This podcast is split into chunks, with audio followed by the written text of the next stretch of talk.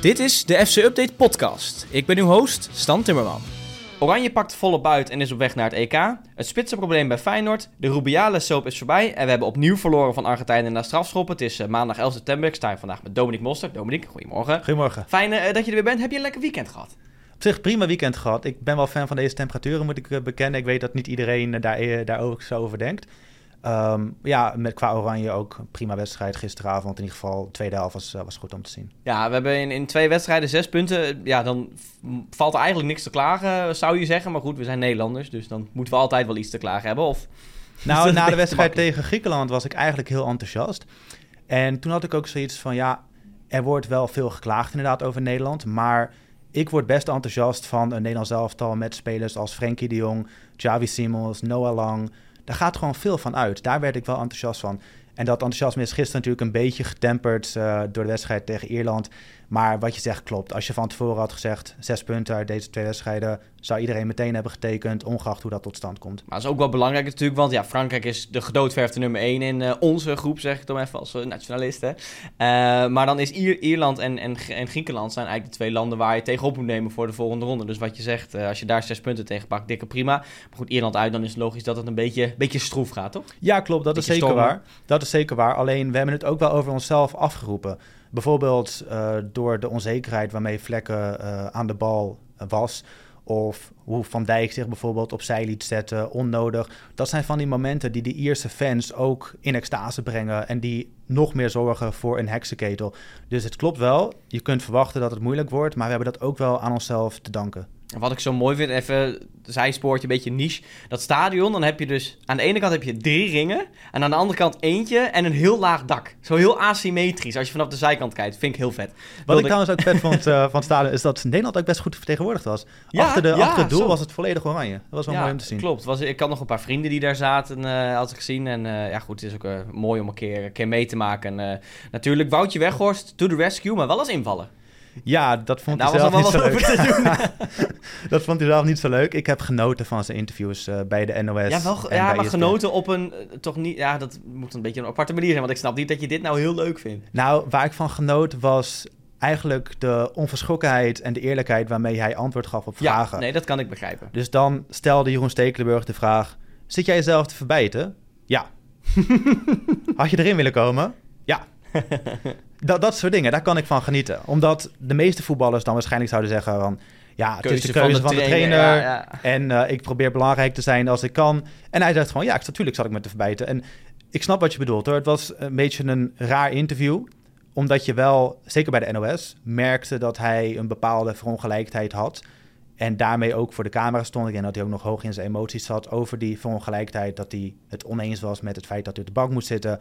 Maar puur kijkend naar wat hij zei, vond ik het wel leuk om naar te kijken. Leuker dan bijvoorbeeld een interview met Virgil van Dijk. Ja, want die interview opzet vind ik sowieso heel vet. Dat er gewoon gelijk, want je hebt al vaak nou, een beetje mixzone, een beetje snelle interviewtjes. En nu is het gewoon van, nee, speler komt even in de nou, even studio, even zitten om dan daar over die wedstrijd te praten. Ik vind dat wel, eh, wel heel vet. Ja, eh, maar Ierland begon ook gewoon heel scherp. Dus los van dat vlekken een beetje eh, moeilijk aan de bal maar was. wij, wij begonnen niet scherp. En daardoor begon Ierland ook scherp. Met die eerste paas van Wiever die al misging in de eerste minuut. Vervolgens inderdaad die inspeelpaas van Vlekken op Frenkie. Dus dat was eigenlijk ook eh, nogmaals aan onszelf te wijten. Je kon inderdaad verwachten dat Ierland erop ging klappen. Maar wij lieten dat ook wel gebeuren. Ja, klopt. En eh, toen kwam natuurlijk die handsbal van Virgil van Dijk en was al vroeg, eh, kwam Nederland al op achterstand. Dacht je van, oh hier gaan we weer? Of dacht je van, nou, dit eh, komt wel goed? De Natuurlijk een beetje hoop, maar... Ja, klopt. Nou, inderdaad. De wedstrijd tegen Griekenland die gaf mij wel die hoop dat het nog wel goed zou kunnen komen.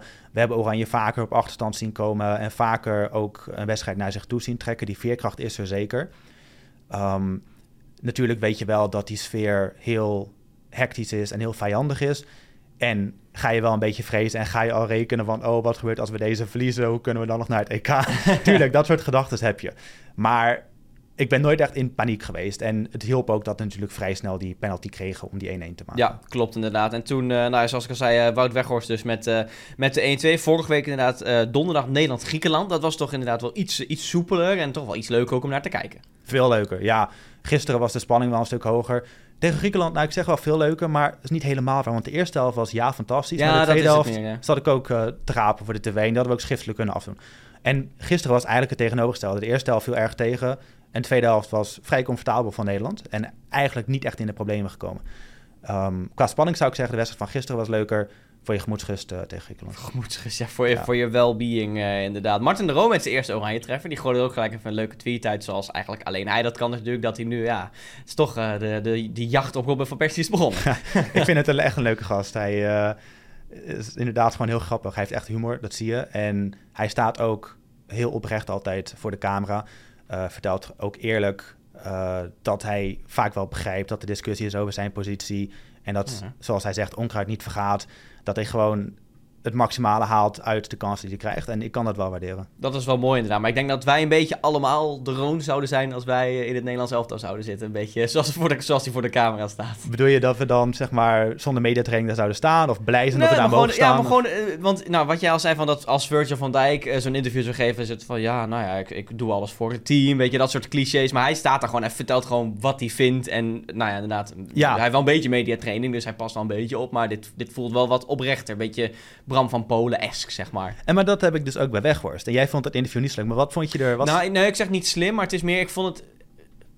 vond het moeilijk gewoon om te kijken. Ik dacht van, oh, dit, dit is... Je merkte gewoon de, dat het ongemakkelijk was inderdaad. Dat, dat, dat is denk ik het goede woord. Maar los van dat hij dan eerlijk is. Want ik heb ook wel inderdaad wat interviews gezien dat... Bijvoorbeeld die, die van Bobby, daar moest ik ook wel een beetje aan denken. Toen met... eh, maar vind je het dan niet heel vervelend? Ja, maar het doet mij niet heel veel. Weet je, gewoon Ja, ja, dat hij heel Utrecht rustig is. En wij, ja, precies. Dat hij, en dan is dan natuurlijk twee aparte situaties. Maar gewoon van die korte antwoorden en er komt niet zo heel veel uit. Maar het is wel oprecht. Dus het is maar net op welke manier je er naar kijkt. Als je de oprechtheid leuk vindt bij spelers, dan snap ik dat je hiervan smult. Maar als je kijkt voor je eh, amusement en eh, je wil een leuk interview, dan nou, kom je een beetje van de koude kermis thuis bij dit interview. Had je ook Weghorst bij ESPN gezien toevallig? Ik heb hem wel voorbij zien komen, moet ik zeggen. Maar, eh, Want ik vond dat hij... Nee, maakt niet uit. Ik vond dat hij zich daar beter verwoordde. Daar kwam er wat meer uit dan alleen ja en nee. En vertelde hij bijvoorbeeld dat de kritiek die hij krijgt... dat hij dat allemaal meekrijgt. Ehm, dat hij het niet prettig vindt dat het allemaal naar zijn hoofd geslingerd wordt. Dat hij zegt dat zijn kwaliteiten als spits worden ondergewaardeerd in Nederland. Wat ik op zich wel begrijp, want Nederland is toch wel een land van de, de mooie voetballers. Terwijl hij dingen brengt die ook heel erg nodig zijn. Voetbal, vind ik, is ook gewoon een deel vibes en een deel werklust en energie, motivatie. En dat heeft hij altijd. Dus Als we het hebben over spelers die, die het een eer vinden om voor Oranje te spelen, dan kom je gelijk bij Weghorst uit natuurlijk. En daar kom, je, daar kom je ver mee hoor. Tuurlijk, kwaliteiten zijn heel belangrijk. En hij gaf ook aan, wij hebben gewoon niet elf Frenkies eh, in Oranje. Dus je hebt ook wat mensen nodig die de boel opzwepen. Ik ben ook bijvoorbeeld best wel kritisch op Virgil van Dijk. Ik vind eigenlijk dat hij zijn basisplek al jarenlang niet meer legitimeert. Zeker als je kijkt wie erachter staat. Maar hij is wel iemand die, afgezien van dat moment dat ik noemde, dat hij de bal verspeelde, wel een ploeg op sleeptouw neemt. Ehm, en van achteruit kan leiden. Ja, Ja, ja. en dat hebben we gisteren ook wel gezien. Dat klopt. Het is, eh, maar goed, en, ja, een speler van Liverpool, om die dan niet mee te nemen. Ja, ik weet niet. Hij staat bij Liverpool gewoon basis. Dan kun je het eigenlijk niet maken om hem dan niet in de baas te zetten bij Oranje. Maar worden wel eens vaker een beetje keuzes gemaakt. Het is inderdaad zijn status, maar ik denk dat zijn status hem overeind houdt bij Liverpool. En ik denk dat zijn status hem overeind houdt bij Oranje. Maar op een gegeven moment vind ik wel dat de wet voor de topsport ook voor een Virgil van Dijk eh moeten gaan gelden. Ja, dat, dat denk ik ook. Dat hij in ieder geval een keer moet banken. eh dat Zeker als een De je Ligt zijn rol overneemt. In de, ja, je, hebt, je hebt De Vrij, je hebt Mickey ja, van je der hebt een Ven. hele, een hele hebt Van de Botman. Ven is misschien dan wel een goede inderdaad. Dat zijn gewoon goede verdedigers die op het 100%. hoogste niveau zich bewijzen. En die eigenlijk nooit de kans krijgen omdat ze op de bank worden gehouden door Virgil. En dan moet Virgil dat wel waarmaken. En je kan een keer een mindere wedstrijd hebben. Maar ik vind dat hij al ja, sinds 2019 voortdurend mindere wedstrijden heeft. Het is wel grappig, want wij hebben als Nederland echt ook qua breedte, denk ik, wel een van de beste verdedigingen eh, ter wereld. En dan met name voor de breedte qua centrale verdedigers. Maar het is verdedigend nou nooit dat je denkt van dit is echt heel stabiel. Ja, tegen Griekenland. En eerlijk gezegd, gisteren zijn we niet echt in de problemen gekomen. nee, hoor. het was dan Inderdaad, weer één, één moment inderdaad. Maar, één moment dat heel instabiel oogde. Nou, enkele momenten die instabiel oogden. Maar, maar dat zou al niet moeten gebeuren. Het zou echt een... ja, Als je de namen ziet inderdaad, en ook dan nou ja, waardes van spelers zijn natuurlijk vaak een beetje een wassen neus. Maar ja, als je dat allemaal bij elkaar optelt, ja, nou, zeker als je bedenkt dat wij het belangrijk vinden dat onze verdedigers kunnen opbouwen. En dat is dus gisteren vaak misgegaan. ja. En dat vind ik bijvoorbeeld een van de weinige voordelen aan Virgil van Dijk. Normaal gesproken kan hij redelijk voetballen. En hij is ontzettend kopsterk. En ik vind dat wij als Oranje ook wel moeten mogen nadenken over onze tactiek. Uh, moeten wij niet veel meer die luchtmacht gaan inzetten en daar veel meer um, gebruik van gaan maken, zoals we tegen Argentinië deden op het WK. Wij hebben ontzettend uh, kopsterke, lange spelers, waarmee we de meeste defensies, Ierland had dat toevallig ook heel veel lange spelers, maar de meeste defensies kunnen wij daar echt in de problemen mee brengen. En dan is een Virgil heerlijk om te hebben bij een hoekschop. Maar als wij vanuit achteruit blijven voetballen, omdat Johan Cruijff dat ooit deed in 1974, ja, dan zou ik toch uh, de voorkeur geven aan iemand die ook kan voetballen. Dat kunnen de meeste Nederlandse verdedigers. Dat kan een Mickey van de Ven, bijvoorbeeld. Maar die dan ook verdedigend zijn mannetje staat. Ja, nou goed, uh, we gaan even kijken uh, hoe de volgende wedstrijden tegen uh, nou, Frankrijk, Griekenland en Ierland, hoe het dan gaat in de verdediging. Maar ik vond het wel verfrissend inderdaad. Een goed oranje, want je hoort veel negativiteit om het Nederlands elftal heen. Dat is eigenlijk altijd al een beetje tendens geweest. Dus ik vond het wel verfrissend om Nederland een beetje goed te zien, met name tegen ja, Griekenland. het was eindelijk weer een beetje hoop. Ja, inderdaad. Een beetje ja. Wat ik na afloop, wat mij een beetje opviel, er was een cooling down voor de reservespelers. Dus die hebben dan geen minuut gemaakt, maar die moeten nog steeds een cooling down doen. Van de Vaart, die vond het gênant. Terwijl ik denk van ja, ze hebben gewoon warm gelopen. Laat die jongens gewoon een paar rondjes lopen. Waar maak je je druk op? Ja, nee, het klopt wel. Het is maar net waar je druk om wil hij, maken. Hij zei het ook wel, hij meende het wel dat hij het zei. Want hij zei van ja, inderdaad, je hebt dan de hele wedstrijd op de bank gezeten. En dan word je hier op, moet je hier opdraven om nog een paar rondjes te lopen. Het is een beetje gênant. Het is ook het feit dat de camera's erop stonden natuurlijk. Dat het ja. per se de huiskamers in moet komen, heeft dat toegevoegde waarde. Want waarschijnlijk is het vrij normaal dat het gebeurt.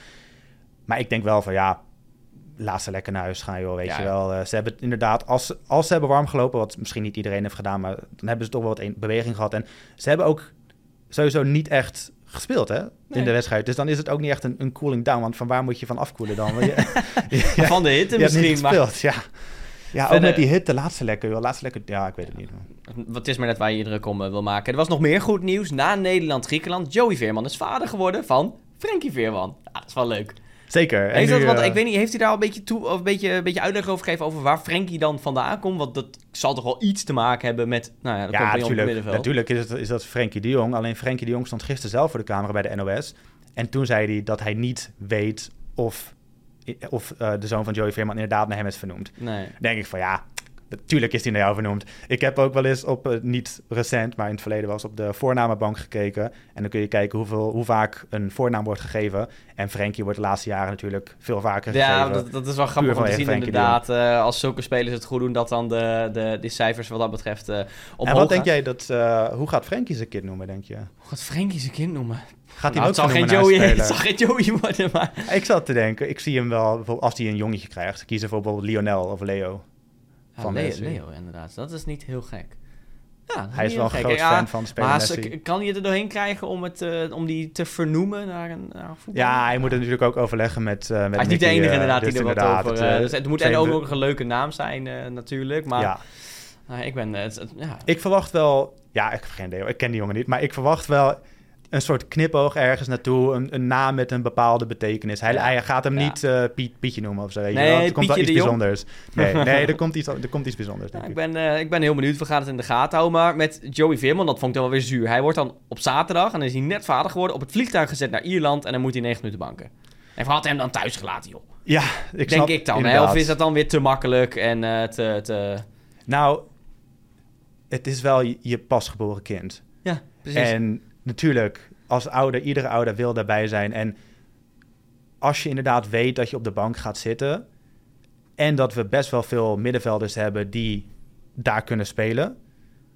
had ik waarschijnlijk gezegd van... joh, ga lekker bij je kind zijn. nou weet is het wel. natuurlijk wel... Ja, het, het is niet een... Kijk, het is niet Gibraltar eh, het is achteraf zeg maar. makkelijk praten, omdat hij Nee, inderdaad niet heeft gespeeld. Stel dat Wiever geblesseerd was geraakt... en je had iemand moeten laten invallen... ja, dan had je misschien aan Veerman kunnen denken... maar dan nog zijn er ook alternatieven. Nou vind ik het sowieso raar dat Veerman op de bank zit voor, wie, voor Wiever. Maar dat is een heel ander verhaal. Ja, nee, dat ben ik volledig met je eens. Ja.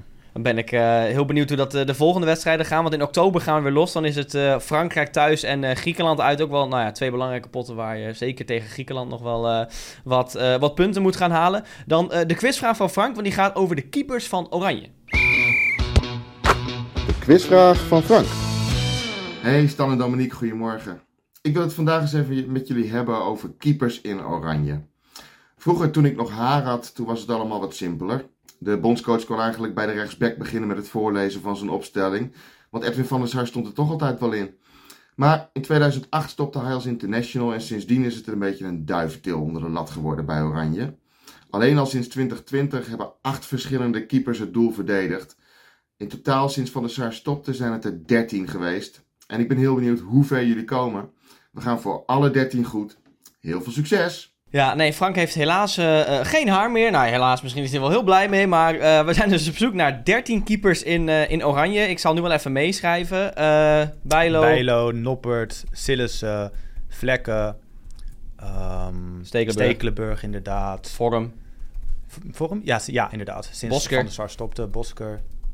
Bizot heeft ook een keer gespeeld. Ja, ja. Zoet. Zoet, goeie. Zitten we nou op, Hoeveel op 9 zitten we al, dus dit gaat wel Gaat hard. lekker. Uh, even kijken. Vermeer.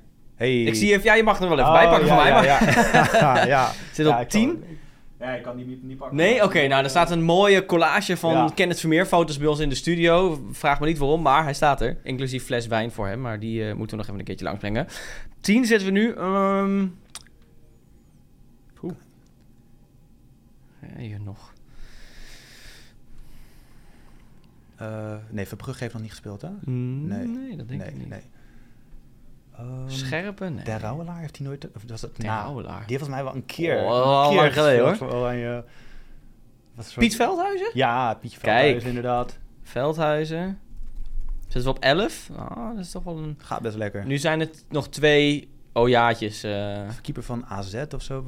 ah, dat is Bizot, clubs Zoet, denk ik dan aan. Ehm, Ja, Pat zullen we het nooit hierbij laten? Pat. Pat, Pat zal nooit gekiezen voor Oranje, denk ik, toch? Nou, dit was dit hele treindrama met Pat, toch? Ja, ja, maar dat, hij zal toch niet... Eh, was hij toen ging hij met de trein naar Zeist? Nee, was, ja, het was een eh, dr- drama met het conducteur. En daardoor mocht hij niet meer bij Oranje keeper. Of heeft hij Nee, niet bij Oranje denk ja, Dus laten we die... Oké, eh, nou, verder, verder kom ik niet. Ja, Nou, dan gaan laten we we even luisteren wel. naar het antwoord. Ja, boys, daar komen de goede antwoorden. En ik heb ze voor jullie even uitgeschreven in order of appearance. Dus de eerste was Maarten Stekelenburg. Gevolgd door de tweede op de lijst. Ik ben benieuwd of jullie die hadden. Piet Veldhuizen. Dan Sander Bosker. Nummer 4 Michel Vorm. Vijfde op de lijst is Tim Krul. En de zesde is de persoon voor wie hij er in zijn meest memorabele interland inkwam. Jasper Sillissen. Dan gaan we verder met Kenneth Vermeer. Jeroen Zoet, Marco Bizot, Justin Bijlo, Mark Vlekken, Andries Noppert en nummer 13 en laatst op de lijst Remco Pasveer. Dat waren ze. Nou, Krul en Pasveer. Ja, Krul... eh, als Die hadden we moeten hebben, die hoor. hadden we wel, Krul hadden we wel moeten hebben. Pasveer was dan nog... eh, nou, weet je, die, die geef je. Maar Krul inderdaad met het hele wisseldrama en zo... Die hadden we nog wel eh, mogen weten. Maar 11 van de 13... Ik, ja, ik, ik vind het, het prima scoren, maar ik vind het wel gênant dat wij eh, keepers bijvoorbeeld Ja, Bizot wel hebben. Luister, en nee, niet we hebben. Veldhuis en Bosker hebben we gewoon. Dus ja, ik vind dat dit... is erg. eh, dat is erg. nou ja, goed. Ik eh, geef ons een, een, eh, een dikke voldoende.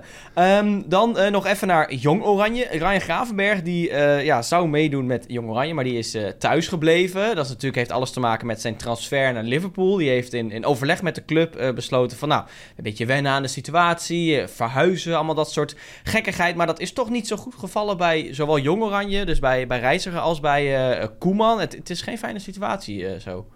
Ik begreep eh, Gravenberg wel hoor. Heeft, heeft hij dat inderdaad publiekelijk gezegd dat het vanwege zijn verhuizing was? Want Nee, maar het- hij, hij, heeft dus in, hij heeft zich afgemeld bij Oranje. En dat is dan volgens de berichten in overleg gegaan met Liverpool. En die heeft weer contact gehad met, met de KNVB om dit te bespreken. Dus het is niet dat hij eh, afzegt en eh, gewoon niet komt. En, maar het is wel overlegd, blijkt.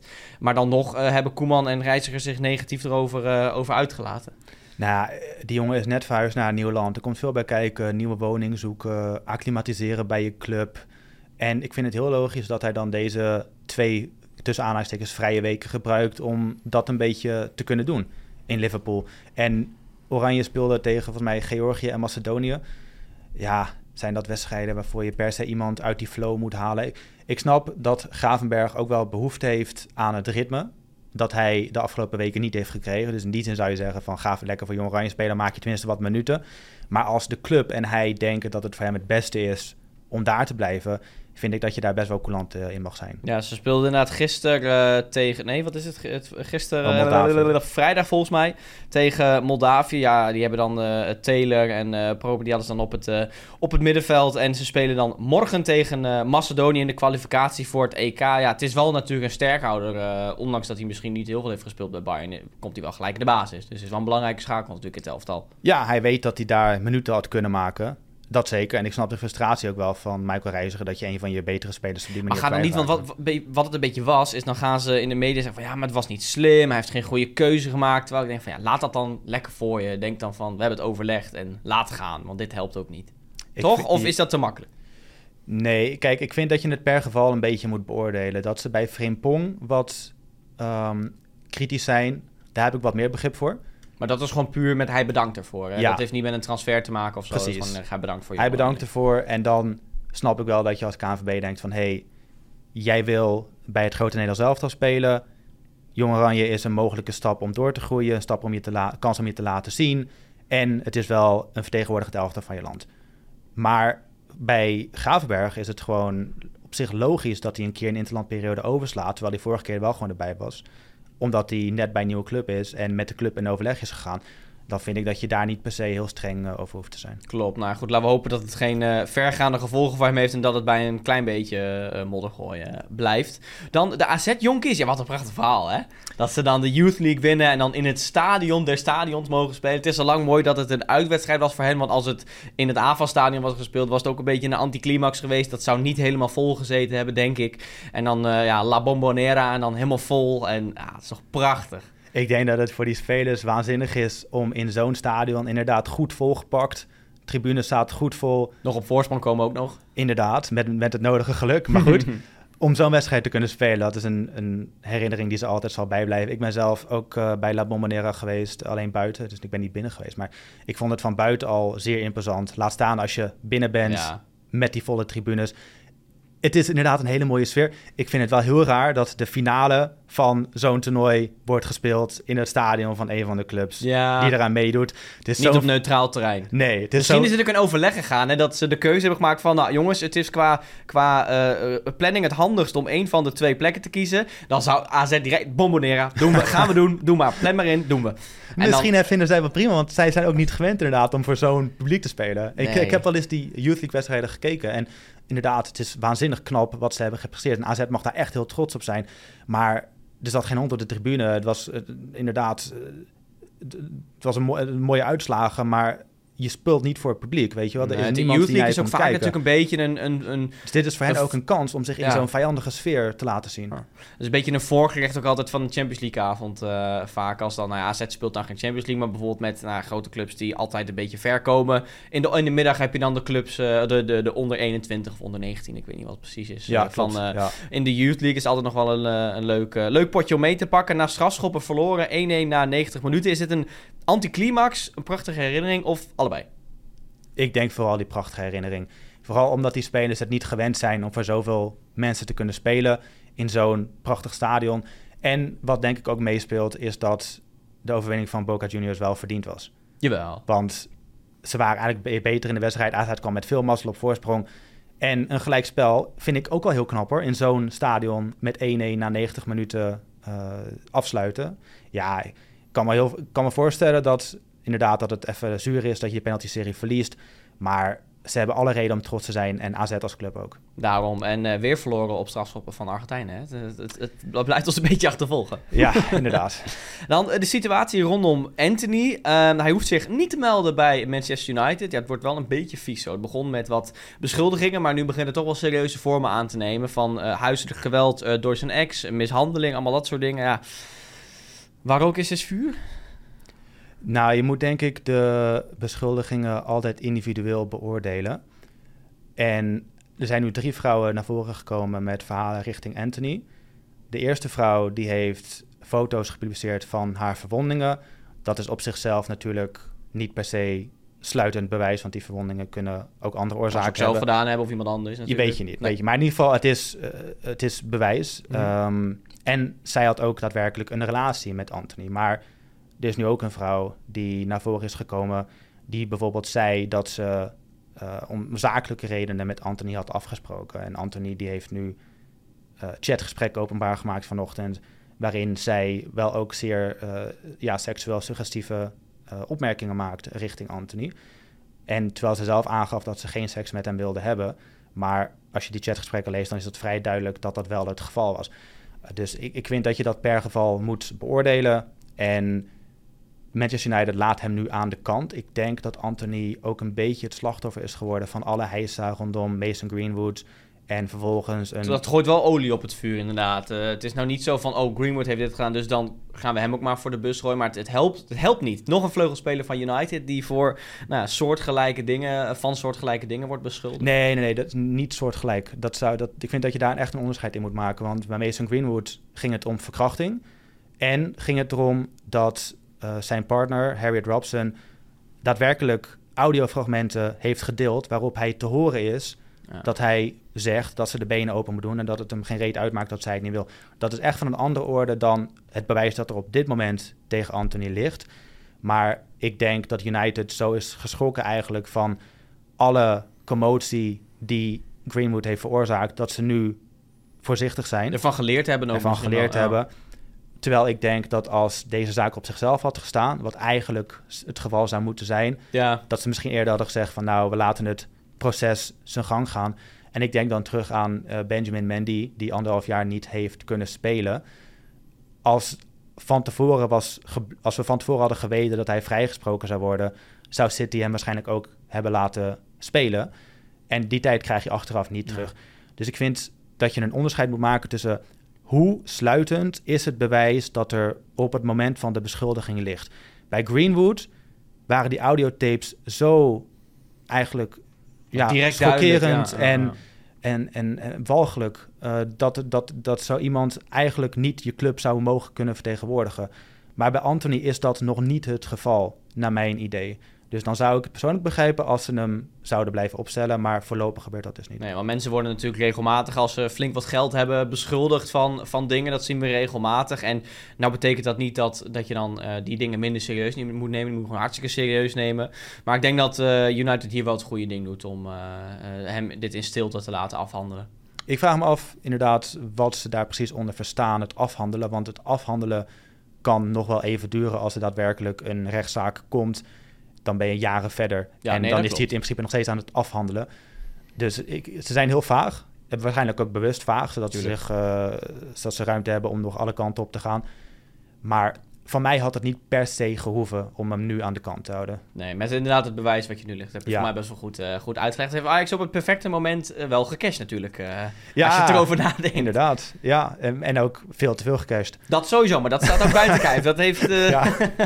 ja, ik denk, ik, ik vind Anthony een, een goede speler en hij heeft hele mooie dingen gedaan in de Champions League, maar dat er 100 miljoen werd betaald was waanzinnig. En hij heeft het eigenlijk geen moment waargemaakt. We gooien hem er nog maar even keer in, hè? Een, ja, ik weet, iedereen vindt dit hoor. Dus het is niet heel schokkend dit allemaal. Maar hij heeft een paar doelpunten gemaakt in de Premier League. Ja. ja, ik kan me er nog eentje tegen Arsenal herinneren, dacht ik. Uh, een paar leuke momenten. Maar hij staat vooral bekend als mag de fidget spinner. Ja, mag het uh, voor die prijs. de 100% Nou goed, uh, we gaan zien waar het, waar het heen gaat. Dan nog even kort. De hele Rubiales soap lijkt voorbij. Hij stapt op bij de Spaanse bond. Goede beslissing? Ja, nou de enige mogelijke beslissing. Hij zei zelf ook, ik kan mijn werk niet meer doen. En dat is meer dan logisch, denk ik. Want overal waar hij gaat, alles wat hij wil doen, wordt hij geconfronteerd met uh, de commotie die is ontstaan. En wat betreft bewijsmateriaal vind ik dit ook wel een goed voorbeeld van waarom ik wel vind dat zo iemand geen toekomst meer zou moeten hebben. Omdat hij voor het oog van de hele wereld iemand op haar mond zoent die daar niet om vraagt. Dat is in mijn woordenboek is dat aanranding en dat is gewoon publiekelijk vastgelegd. Dus kan verder alleen nog maar fout gaan. Dus uh, misschien moet hij nou, ik weet niet waar die, wat voor dingen die verder nog kan. Maar uh, in het voetbal uh, lijkt geen plek meer voor hem. Nee, ik denk dat sowieso niemand nu met hem in zee wil, zolang dat onderzoek nog loopt. Het OM heeft hem aangeklaagd. De Spaanse OM, dus ja. dat zal nog wel even duren. Klopt, maar het gaat volgens mij, deze situatie, die wordt nou ook heel erg en opgeblazen, niet in de negatieve zin van het woord, maar hij wordt heel groot gemaakt. Het is voor mij veel meer dan alleen dat ene moment. Vrouwen pakken dit moment echt aan om ja, een, statement te maken tegen nou, mannen met macht die dingen doen die niet mogen en daarmee wegkomen. En dat is misschien ook wel, daar is het ook wel tijd voor, denk ik. Ja, meer dan tijd. Ik denk dat, uh, nou, ik ben geen expert op het gebied van Spaanse cultuur, maar misschien dat de MeToo-beweging daar wat later op gang is gekomen en dat dit hun MeToo-moment is. Ja. En ik, ik juich dat alleen maar toe. Ja, daarom lijkt mij een... Uh, want ik heb ook een aantal uh, vriendinnen die, uh, die kregen gisteren... Ik zat op een verjaardag, die zagen het nieuws en die werden gewoon echt blij. Ik zou niet zeggen dat ze gingen juichen, maar die werden echt blij van... Nou, fijn dat, er, dat, dat hij zelf opstapt en dat je dan niet, oh, de rechtszaak en dan moeilijk, moeilijk, moeilijk. Maar dit is volgens mij uh, de, goede, de goede manier. Dan um, Feyenoord, die gaat de Champions League misschien wel in zonder spits. Want Ueda is geblesseerd uitgevallen bij, uh, bij zijn land Japan. Het is nog niet duidelijk hoe ernstig die blessure is, maar met het oog op nou, dat het ernstig kan zijn. En dat Jiménez natuurlijk de eerste twee wedstrijden is geschorst tegen Celtic thuis en Atletico uit. Hoe moet Feyenoord dit gaan oplossen mocht Ueda geblesseerd zijn voor die twee wedstrijden? Ja, dat is echt een groot probleem. We zitten dan, Feyenoord zit dan eigenlijk zonder spits in de eerste Champions League wedstrijden. En zeker de wedstrijd tegen Celtic, de thuiswedstrijd, moet je gewoon winnen. Als je die niet wint, dan wordt het wel een heel moeilijk verhaal om nog door te gaan in de groepsfase natuurlijk. Inderdaad, die moet drie punten opleveren. En de teksten van Ueda op de website van de Japanse voetbalbond, die stemmen mij niet heel optimistisch. Mm. Hij geeft aan dat hij hoopt er volgende keer weer bij te zijn. En dat hij hoopt in de toekomst weer goede resultaten te kunnen boeken met Japan. Het hopen is vooral uh, dat, ja, niet we gaan ervan uit dat. Exact. En hij is ook dus voortijdig weggegaan bij het trainingskamp. Ja, dan is er wel wat aan de hand. En de eerste Champions League wedstrijd tegen Celtic is al op, op dit moment over acht dagen. Kan dus... het best zijn dat Arne Slot heeft gezegd van uh, er is iets... Hij komt nu naar huis. We gaan nu met hem aan de gang en we moeten hem hebben. Ik denk ook dat, dat, dat Feyenoord daar wel de vinger in de pap heeft gehad. Ja, Slot die weet dat hij eigenlijk geen alternatief heeft. Want ik heb even naar de selectie zitten kijken hoe ze dat zouden kunnen opvangen. Maar het enige waar ik op uitkwam was eigenlijk of Ivan Nusic als soort valse nummer 9. Maar ik weet niet of hij dat kan. Hij heeft wel op verschillende posities gespeeld, dus misschien kan hij dat. Of Jahan Baks als nummer 9 die wel enige ervaring heeft in de spitspositie. Ja, maar, dat moet, maar dat moet je inderdaad... Stengs, die heeft maar nog op 10 gespeeld, willen. maar... Het... En wat ook belangrijk is om te beseffen, als het een ernstige blessure is van Ueda, dus stel dat hij uh, weken tot maanden aan de kant staat, dan heeft Feyenoord gewoon geen reservespits. En dan vind ik dat je wel de markt op moet en kijken naar transfervrije spelers om te kijken wie dat gat zou kunnen opvullen. Want je moet twee spitsen hebben. Ja, ik, heb een, ik had even een aantal uh, opgezomd. Ander Algazi, dan niet echt een spits natuurlijk, maar goed, wel uh, Nederlander. Dus dat is nog wel realistisch om die uh, even op te pikken. Ja, Mitchell tevreden, dat is een echte, echte spits. Josie Eltidoor. En als je dan een iets hoger kijkt, ja, Quagliarella. Die staat ook nog transfervrij. Maar goed, die is ook al, wat is het, 40 of zo. Maar als je kijkt naar iemand met ervaring en ja, ik zou het ook verder echt niet weten. Het is lastig. Ik dacht zelf inderdaad ook aan El Ghazi. Die zat uh, uh, eind vorige maand nog op de bank bij PSV. Dus die heeft in ieder geval een voorbereiding. Die heeft wat minuten gemaakt, ook in de Johan Cruijffschaal tegen Feyenoord. Dus die begint niet meteen op nul. Die heeft ook ervaring op een hoog niveau. Dat is, ja, denk ik, geen hele gekke gedachte. nee, het is inderdaad van nature geen spits, maar hij kan er volgens mij wel spelen. Uh, tevreden daar heb ik helemaal geen beeld meer van. Om maar Mitchell tevreden te halen voor de Champions League wedstrijden tegen Celtic en Atletico. En natuurlijk ook de klassieker, vergeet dat ook niet. Die komt ook nog tussendoor. Maar goed, maar daar kan uh, Jiménez gewoon spelen. Maar dan, dan nog een, uh, stel Jiménez raakt in de rust, die moet eraf. Ja, dan wordt het ook een lastig verhaal natuurlijk. Maar het is sowieso het hele, ja, twee spitsen. En het is, de spoeling is gewoon heel dun daar. Goed, Nicolai Jurgensen ook nog, hè? Transfervrij. Oh ja? Ja. Nou ja dat, dat... Maar die presteert al jaren niet meer, maar goed. Nee, maar goed, dat is dan 1 en 1 is 2, toch? Nee, Mocht daar lang geblesseerd nee, zijn? Nee, nee, 1 en 1 is niet 2, want oh. uh, je hebt uh, wel iemand nodig die er meteen staat of niet al te lang nodig heeft om in het ritme te komen. Maar bij Jurgensen durf ik daar niet mijn hand voor in het vuur te steken. En bij El Ghazi wel wat meer. Ik ga even kijken of ze ja, bij Feyenoord, bij Jong Feyenoord... Uh, of, ja, ik, ja Shaquille van Persie, hè? Ik wou net zeggen, dat, ja, maar dat zou dan wel... Dat is dan toch de manier hoe je dit uh, goed kan oplossen. even kijken. Hij nou, veel talent, jongen. Ja, dat kan het nou niet echt heel snel vinden. Maar goed, Van Persie, ja, dat zou wel heel vet zijn. Ah, jongen, jongen wat is het, 16? Ja, dat, nee, dat, is natuurlijk veel te vroeg, laten we eerlijk zijn. Maar hè, nood breekt wet, wie weet. Uh, Ivan is dat 9 zou inderdaad nog kunnen, maar ja, het is, het is even vooral afwachten op Ueda. Kan best zijn dat tegen de tijd dat dit uh, uh, online staat, dat, hij, dat er al meer nieuws naar buiten is over de ernst van zijn blessure. Maar laten we gewoon uh, vooral hopen dat hij in ieder geval voor het duel tegen Celtic weer fit is. Zeker, Toch? ja. Dan dit weekend op zondag, en verder niet heel veel toppers. we hebben wel de IJsselderby en Twente Ajax op, op zondag. Dus dat is nog wel een, een mooie, mooie middagje voetbal kijken. Is dit het begin van de Week van de Waarheid voor Maurice Stijn? Denk je? Dat kan je zeker wel zeggen. Met Twente, Twente Ajax, Marseille thuis en Feyenoord thuis? Het is in ieder geval een hele belangrijke periode. En hij zal zeker een van die wedstrijden moeten gaan winnen. Eén Um, maar? Nou, ik denk dat Stijn wel krediet heeft. Omdat hij ook maar een nieuwe selectie in de schoot geworpen heeft gekregen. En pas zeer kort bezig is. Dus ik verwacht niet dat ze hem meteen al eruit gooien als, het, eh, als hij niet, zeg maar, minstens twee wedstrijden wint. Of zo. Ik denk dat hij Nee, nog wel maar dat is... ik- krediet heeft. nou, of ze hem er gelijk Maar- uitgooien is ook het tweede. Maar het is meer, ik denk van ja, eh, Twente uit, dat is gewoon altijd lastig. Vorig jaar natuurlijk 1-3 verloren. ehm, maar Marseille thuis en Feyenoord thuis mag je volgens mij gewoon echt niet verliezen. Nee, inderdaad. En in die zin is het wel een moment van de waarheid, omdat het kan al... Je kunt al op een hele grote achterstand komen in de Eredivisie als je niet oppast. En in de In Europa, de Europa League League ook. ook. Eh, dus ja, dit worden hele eh, belangrijke weken. En eigenlijk heb ik er voor Ajax helemaal geen vertrouwen in.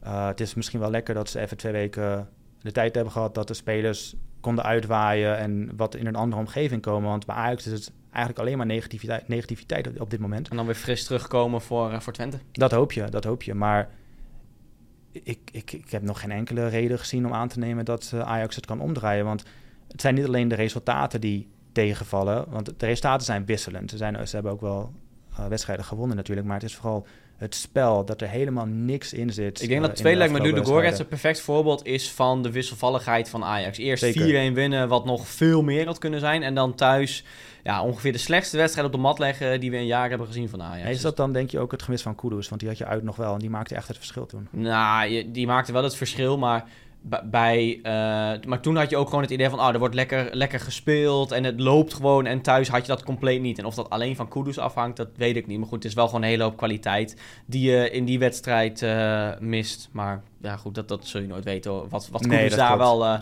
had gedaan. Kudus is nou niet een speler die Ajax op sleeptouw nam... om, om het hele team mee te nemen en zo. Het, het is Nee, meer- hij is iemand die gedijt als het goed gaat. ja, het moet van, moet van zijn individuele kwaliteiten komen Ja. natuurlijk. Nou goed, eh, we, gaan, eh, we gaan het zien, de Week van de Waarheid voor uh, Maurice Stijn. We zijn er vanaf nu nog maar één keer per week met deze podcast op maandag op YouTube en in je favoriete podcast app. Dan wensen we jullie een fijne week en tot volgende week.